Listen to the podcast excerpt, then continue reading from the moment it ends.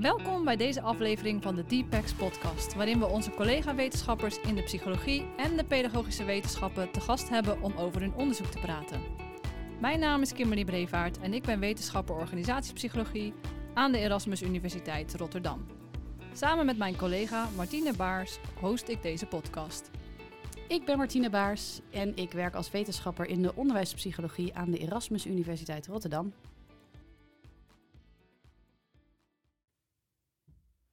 Welkom bij een nieuwe aflevering van de Deepex podcast. Vandaag hebben we onze collega Rianne Kok te gast. En Rianne is wetenschapper pedagogische wetenschappen binnen de sectie jeugd en gezin. En zij onderzoekt hoe ons gedrag beïnvloed wordt door relaties en interacties met anderen op jonge leeftijd. In 2019 ontving zij een grote Europese subsidie om onderzoek te doen naar liegen. Um, en nu heb ik begrepen dat we allemaal regelmatig een leugentje om best wil begaan. Ja. Marianne's onderzoek gaat uh, specifiek over ouders die liegen tegen hun kinderen. En daar gaan we vandaag meer over horen. Welkom. Leuk Dank dat je er bent. Welkom Rianne. Ja, superleuk dat je er bent. Uh, want ja, in het voorbereiden van dit gesprek dacht ik er eens over na. En dacht ik, ja, volgens mij, begin ik lekker eerst over de groep, liegen heel veel ouders best wel eens tegen hun kinderen. En ik merkte dat ik dacht, ik ook. Uh, maar is dat inderdaad zo? Liegen we veel tegen onze kinderen? En waarom doen we dat eigenlijk? Uh, ja, dat klopt. Um, uit uh, internationaal onderzoek weten we dat eigenlijk meer dan 80% oh. van de ouders wel eens liegt tegen hun eigen tot de kind. meerderheid. Dus je bent niet heel uitzonderlijk wat dat betreft. Ik vind het meer verbazingwekkend dat de ouders zijn die niet liegen tegen hun kinderen. Uh, maar er zijn eigenlijk allerlei redenen waarom ouders dat doen. Um, dus nou ja, de bekendste is natuurlijk het leugentje over Sinterklaas. Ja, hè, dat Sinterklaasverhaal in stand houden. Maar ouders geven ook veel uh, overdreven complimentjes over een prachtige tekening, terwijl er eigenlijk maar drie strepen op papier staan. uh, maar ze vertellen ook leugens om kinderen te beschermen hè, van moeilijke onderwerpen, ja. oorlog, ziektes. Um, en er wordt toch ook wel veel gelogen door ouders om het leven wat makkelijker te maken. Bijvoorbeeld dat het al bedtijd is, terwijl dat eigenlijk nog niet zo is. Maar je bent gewoon heel moe en je wil gewoon graag dat de kinderen naar bed gaan. Uh, of dat er geen groente in de pasta saus zit, ja. terwijl dat wel zo is. Dat vind ik eigenlijk best wel slim. Ik las hem en ik dacht, goh, ja, dat ja. is best wel een slimme. Ja. Ik kan me dat heel goed voorstellen, dat je dat doet om je eigen leven wat makkelijker te maken. Ja, ja. ja het eerste wat uh, bij mij opkwam eigenlijk tijdens de voorbereiding was, uh, van dit gesprek was het, uh, het Sinterklaas bestaat niet gesprek. Oh ja. Het staat me nog echt heel erg bij. Dat, het gesprek had ik met mijn moeder en dan kreeg ik een kaartje waarop stond dat Sint en Piet niet bestaan. Ondertekend door Sint en Piet. Dat oh, dat is ook lastig. nog heel goed. Dat is lastig. en ik was echt nog heel naïef, want veel kinderen op het moment dat dat gesprek wordt gevoerd weten natuurlijk al. Maar ja, ik uh, wilde dat denk ik heel graag oh. in blijven geloven, ja. um, en ik weet nog dat ik echt heel boos was over het feit dat ze hadden gelogen, terwijl ze tegen mij altijd ook zeiden dat ik niet mocht liegen. Oh ja. Dus dat klopte in mijn hoofd niet. En nu ik ouder ben, kan ik dat natuurlijk reflecteer ik daar anders op. Um, en waardeer ik ze ook wel ervoor, ervoor dat ze me daarin hebben laten geloven. Hè? Want als kind is dat natuurlijk, wil, wil je dat ook graag geloven. Maar hoe erg is het eigenlijk dat we tegen kinderen liegen? Nou, gek genoeg weten we dat nog niet zo goed uit wetenschappelijk onderzoek. Want er is maar heel weinig onderzoek gedaan naar de vraag of liegen door ouders ook echt effect heeft op kinderen. Okay. En het onderzoek dat er is gedaan, dat heeft allerlei haken en ogen. Dus er wordt vooral uh, retrospectief onderzoek gedaan. Mm -hmm. Dus waarbij er aan volwassenen wordt gevraagd om terug te denken aan hun jeugd. En dan te ah, vertellen ja. of er wel of niet tegen ze gelogen is. En vervolgens wordt ook aan hen gevraagd hoe goed is dan de band met je ouders. En uh, lieg je zelf wel eens tegen je ouders. Nou ja, het probleem met dat onderzoek is natuurlijk dat die herinneringen aan je jeugd, die zijn natuurlijk heel erg gekleurd ja, ook. Ja, en uh, kinderen weten ook niet altijd wanneer er wel of niet tegen ze gelogen is. Mm, ja. um, dus ja, die vraag kunnen we nog niet zo heel goed beantwoorden. En ik denk dat om goed onderzoek te doen naar de vra deze vraag, moeten we denk ik ook wel onderscheid maken tussen de soorten leugens die er zijn. Mm -hmm. uh, want een leugentje over zo'n mooie tekening, ik denk niet dat dat hetzelfde effect zou hebben als uh, bijvoorbeeld een groot familiegeheim wat ja, je verborgen precies. houdt. Ja. Ja. Um, en dat onderscheid wordt ook in het uh, bestaande onderzoek nog niet zo heel duidelijk gemaakt. Um, dus ja, op basis van wat we nu weten, kunnen we nog niet zo goed concluderen of er nou wel of niet een effect is op kinderen. Dat, dat retrospectieve onderzoek wat is gedaan, uh, dat laat wel allerlei relaties zien tussen de herinnering dat er tegen je gelogen is. En bijvoorbeeld dat, dat mensen dan zelf wat vaker liegen. Maar ook okay. uh, bepaalde ja, negatieve dingen zoals dat je wat angstiger bent of wat meer depressieve gevoelens hebt. Um, nou ja, en misschien ook dus dat de mensen die waar vroeger tegen gelogen is, dat ze zelf ook wat, uh, wat vaker liegen, wat oneerlijker zijn. Ah ja, dat, dat klinkt niet goed. Dat, zijn, dat is, past wel heel erg natuurlijk bij de negatieve connotatie die mm -hmm. heeft. Denk je dat er Ja. ook positieve effecten kunnen zijn? Nou ja, daar probeer ik in mijn onderzoek wel ook echt eh, zeg maar de mogelijkheid open te houden. Want ik geloof zeker dat het ook wel iets positiefs zou kunnen zijn. Eh, want ja, liegen hoort er natuurlijk ook wel een beetje bij in het sociale verkeer. We liegen allemaal wel eens. Ja, dus misschien precies. is het Ja. ook wel goed dat je vanuit huis Ja, een beetje leert wanneer je wel of niet leugentjes zou kunnen Ja. gebruiken. Als het bijvoorbeeld om de Mhm. leeftijd gaat, dat je soms dingen ja. niet moet zeggen of anders moet zeggen. Dat is misschien ook wel liegen soms, maar Ja, nou, is- handig. en misschien dat je Ja. dan wel als kind ook wat beter in de groep ligt. Ja. Wat Ja. meer vriendjes hebt op school. Ja. ja. Ehm, dus Ja. wij kijken Ja. ook zeker naar mogelijke positieve gevolgen van Ja. liegen. En Ja. kijk je dan naar de positieve gevolgen op de kinderen of ook op de ouders?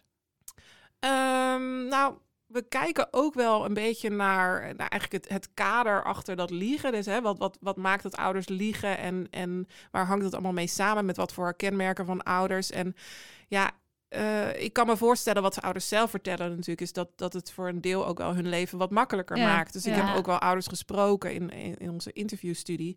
die zeggen, nou ja, als ik het niet zou doen... dan zou ik echt niet weten hoe ik de dag door moet komen... Ja, met twee jonge kinderen. En, eh. Ehm, dus misschien op die manier dat het ook wel voor hen wat, wat stress weghaalt. Ja, Eh, tegelijkertijd zijn er ook ouders die, die er soort van een beetje dubbel in staan. Die aan de ene kant het gevoel hebben, ik wil niet liegen. Mhm. maar Ja, vervolgens precies. wel uit een soort van, ja, bijna automatisme of, of uit gemak doen. ja, ja, En zich daar dan ook weer rot over voelen. Dus ik kan me ook Mm. voorstellen dat voor sommige ja. ouders... Die, die misschien een heel duidelijk idee hebben van liegen hoort er niet bij... Ja. ehm, dat die daar misschien ook wel weer stress van hebben... van het feit dat ze dat soort kleine leugentjes vertellen. Dus dat zal ook afhankelijk zijn van het type ouder... en, en, en hun, misschien hun, hun morele...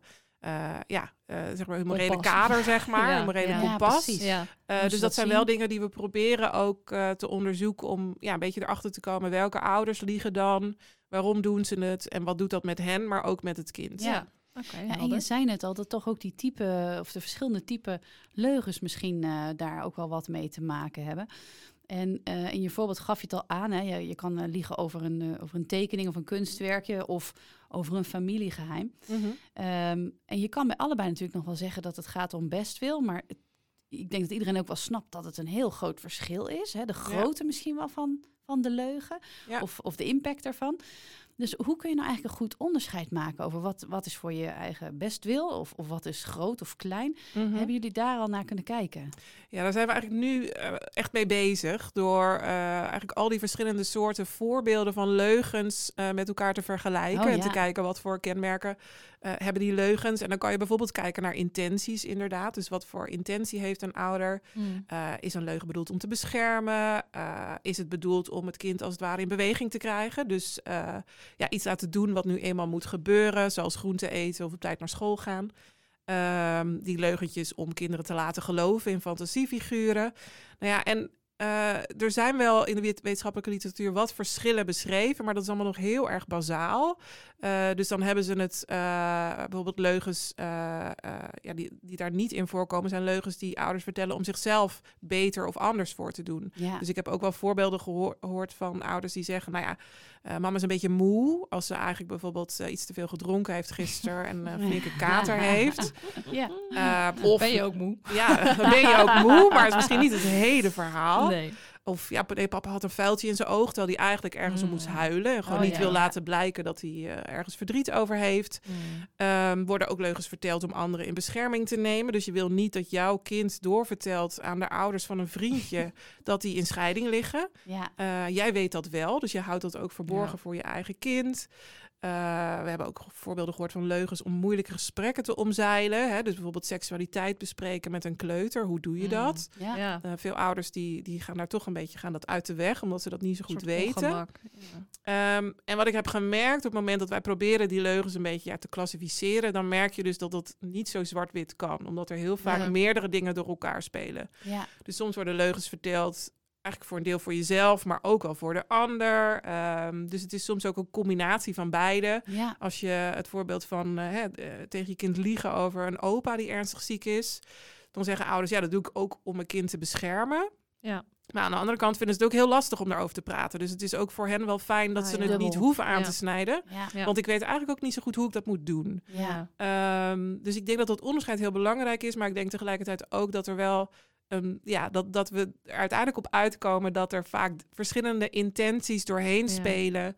eh, Verschillende kenmerken. En Ja. dat je niet alles heel erg in een hokje kunt plaatsen. Nee, nee, het is toch wel heel complex, eh, denk ik. Ja. Absoluut. Ja, kan ik me voorstellen. En ook misschien wel eh, of je één keer een leugen vertelt of dat je hem jaren volhoudt. Dat maakt Mhm. misschien ook weer uit in wat zo'n leugen dan wordt in je relatie met je kind. En ook de, de, de kans dat het ontdekt wordt. Ja, Ja.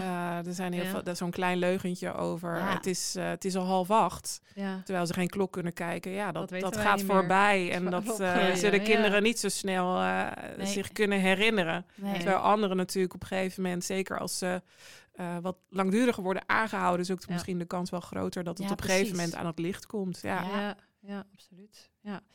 Ja, en jij zegt dat ouders zich niet altijd bewust zijn dat ze tegen hun kinderen liegen. Dat je dat vrij onbewust doet, misschien een soort van automatisme. Eh, en jij wil ze daar eigenlijk meer bewust van maken. Ehm, als je dat wil onderzoeken natuurlijk. Dus hoe, Mhm. hoe, hoe onderzoek je dat dan als we het vaak onbewust doen? Ja, nou ja, wat we, wat we nu vooral doen in mijn onderzoek is echt proberen verschillende meetmethoden uittesten en kijken wat het beste werkt voor welke soorten leugens. Ja, Eh, dus we hebben bijvoorbeeld hele uitgebreide interviews met ouders gehouden, waarin we echt een uur lang praten over gewoon puur over liegen. Ja. Mhm. Ehm, en dan merk je soms dat ouders aan het begin dan wel zeggen: nee, maar dat doe ik eigenlijk niet of nauwelijks. Ik lieg niet tegen mijn kinderen. Maar als je dan met ze verder praat en ze laat ze nadenken over verschillende soorten leugens die er zijn, en verschillende motieven om leugens te vertellen, ehm, dan komen er toch wel wat aardig wat voorbeeldjes Toch naar wel. boven. Ah, en dan ja. herinneren zich ineens wel dat ze toch wel regelmatig dat soort leugens gebruiken. ja. En dat heeft er denk ik ook wel mee te maken dat die term liegen, merk ik, dat heeft een hele negatieve ja.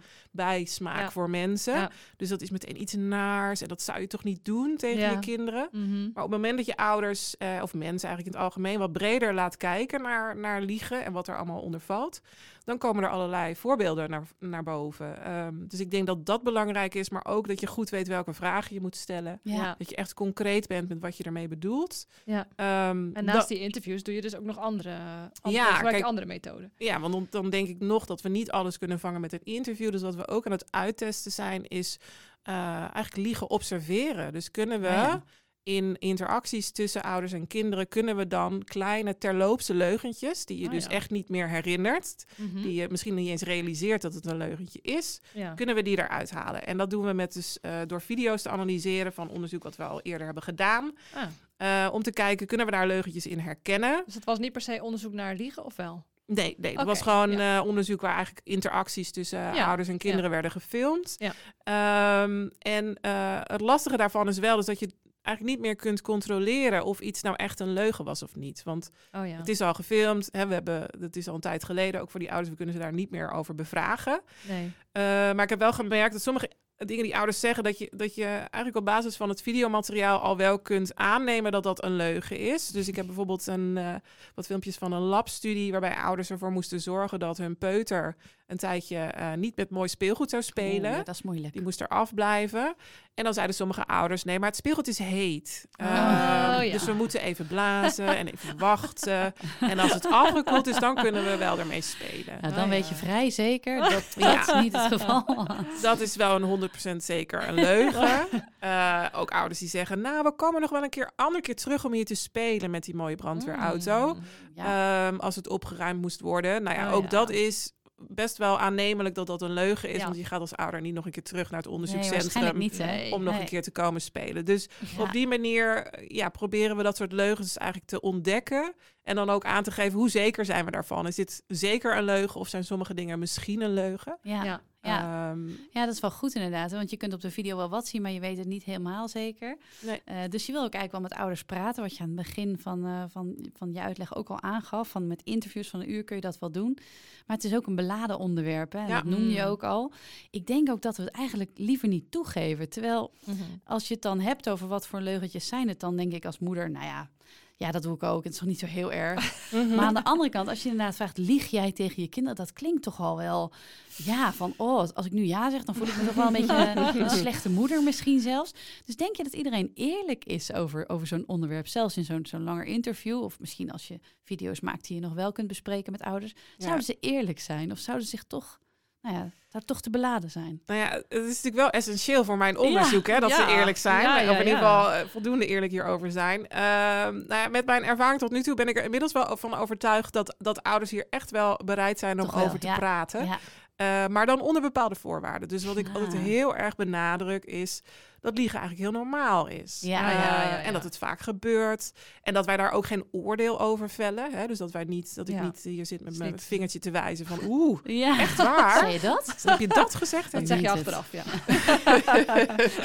nee, maar dat is, dat is denk ik heel belangrijk. En dus hele concrete vragen naar voorbeelden.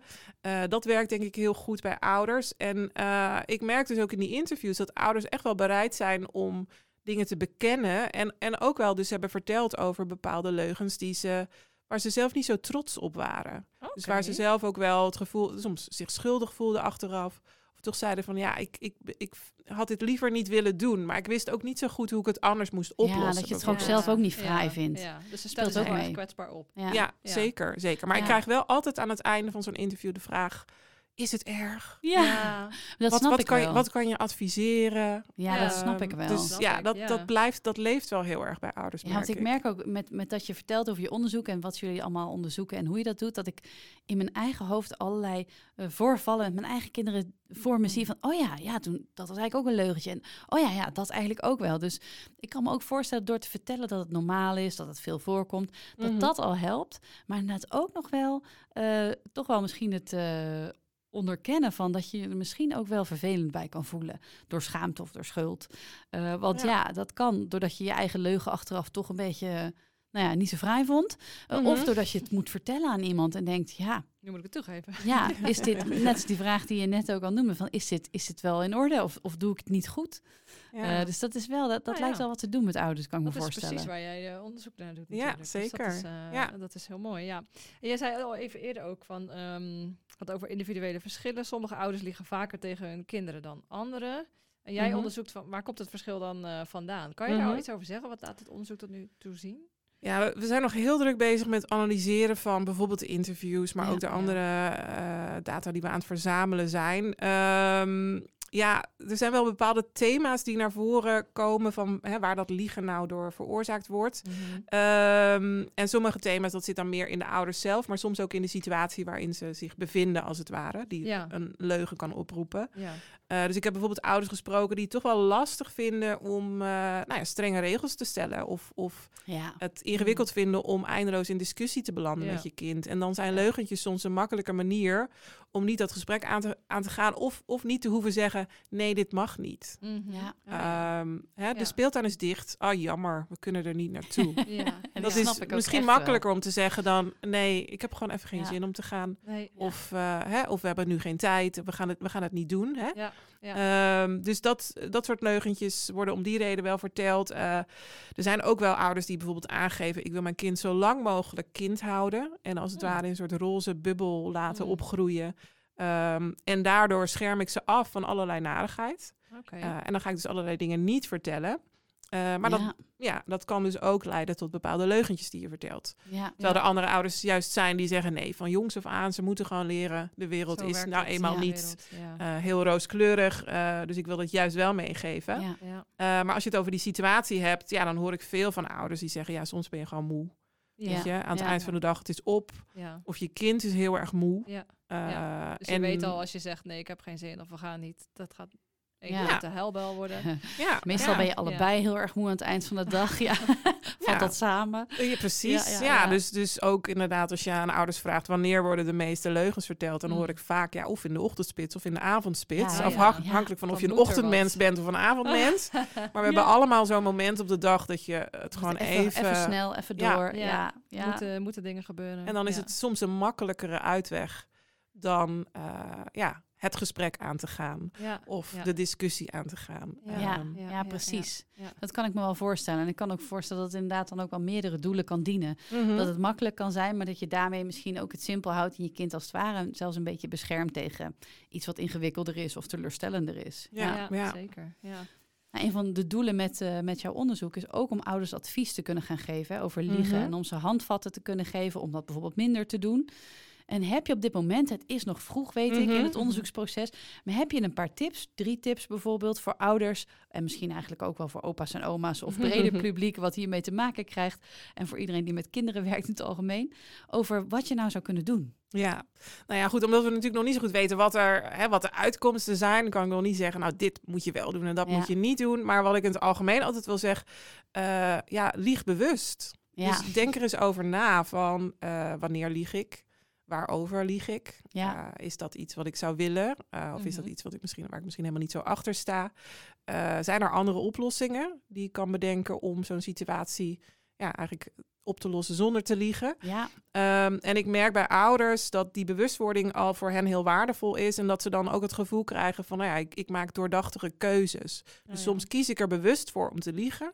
Maar dat is omdat ik denk dat op dat moment het beter is om ergens over te liegen dan de waarheid te vertellen. En Ja. dat kan Ja. natuurlijk ook een, een keuze zijn eh, waar je als ouder ook achter staat.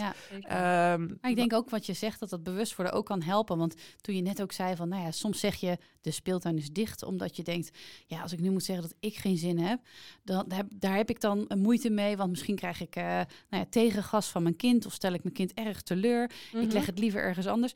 Toen je dat zei, dacht ik ja. En dat zijn eigenlijk precies van die dingen waarvan ik dan zelf als ouder zou denken, het is misschien wel mooi als je dat dan doorhebt. Want ik zou dan misschien denken, ik mag best wel gewoon nee zeggen tegen mijn kind. Waarom schiet ik eigenlijk in een reflex waarin ik Mm. dat Ja, niet zou doen. Want mijn kinderen reageren eigenlijk wel prima als ik nee zeg.